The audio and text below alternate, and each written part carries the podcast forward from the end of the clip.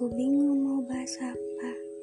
Tapi sebelum ke podcast yang lebih serius lagi, aku mau bahas sedikit mengenai diriku dari sudut pandang orang lain. Siapa sih Anissa sebenarnya? Sedikit cerita mengenai diriku, aku ini bisa dibilang tipe orang yang ambisius. Enggak terlalu sih, ya cuma kata orang gitu. Dan aku akui itu. Memang, setiap apa yang aku inginkan harus tercapai. Tapi nggak mudah bagiku untuk mencapai mimpi-mimpi itu. Harus melewati proses yang begitu panjang. Oh ya, ada satu hal yang menarik. Kalian mau dengar nggak? Hmm, baiklah, aku akan cerita.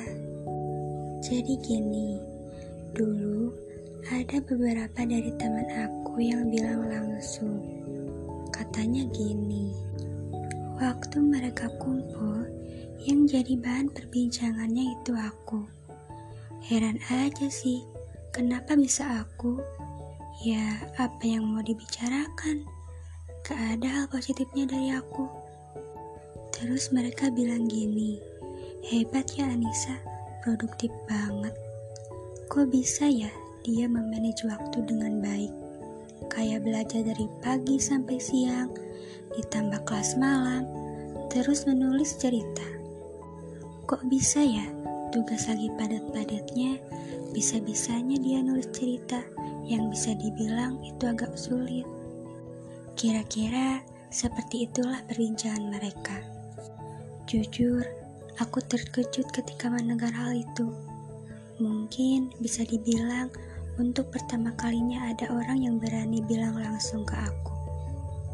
Hmm, mengenai menulis, memang aku akui tidak semudah yang aku bayangkan. Karena gak semua ide yang kita bayangkan bisa kita tuangkan dengan lancarnya ke dalam tulisan. Sempat aku merasa stuck di satu part mengenai hebat dalam memanage waktu. Aku pikir semua orang pasti bisa bukan cuma aku aja. Bagiku, tidak keberatan jika aktivitasku dari pagi sampai malam sangat padat. Ya, meskipun kadang aku merasa lelah, tapi nggak jadi masalah. Karena setiap aku merasa lelah, jalan satu-satunya yaitu menulis. Bagiku, menulis itu bukan hanya sekadar menuangkan imajinasiku atau menuangkan segala perasaanku Bukan, bukan itu. Tapi bagiku, menulis itu sebuah jalan ketenangan ketika dilanda keresahan. Kadang aku merasa kok bisa ya orang-orang pada insecure sama aku. Padahal aku sendiri masih merasa insecure ke orang lain. Bisa dibilang iri ketika melihat keberhasilan seseorang. Lebih tepatnya ke introspeksi diri Ya, introspeksi aja. Kok orang lain pada bisa ya?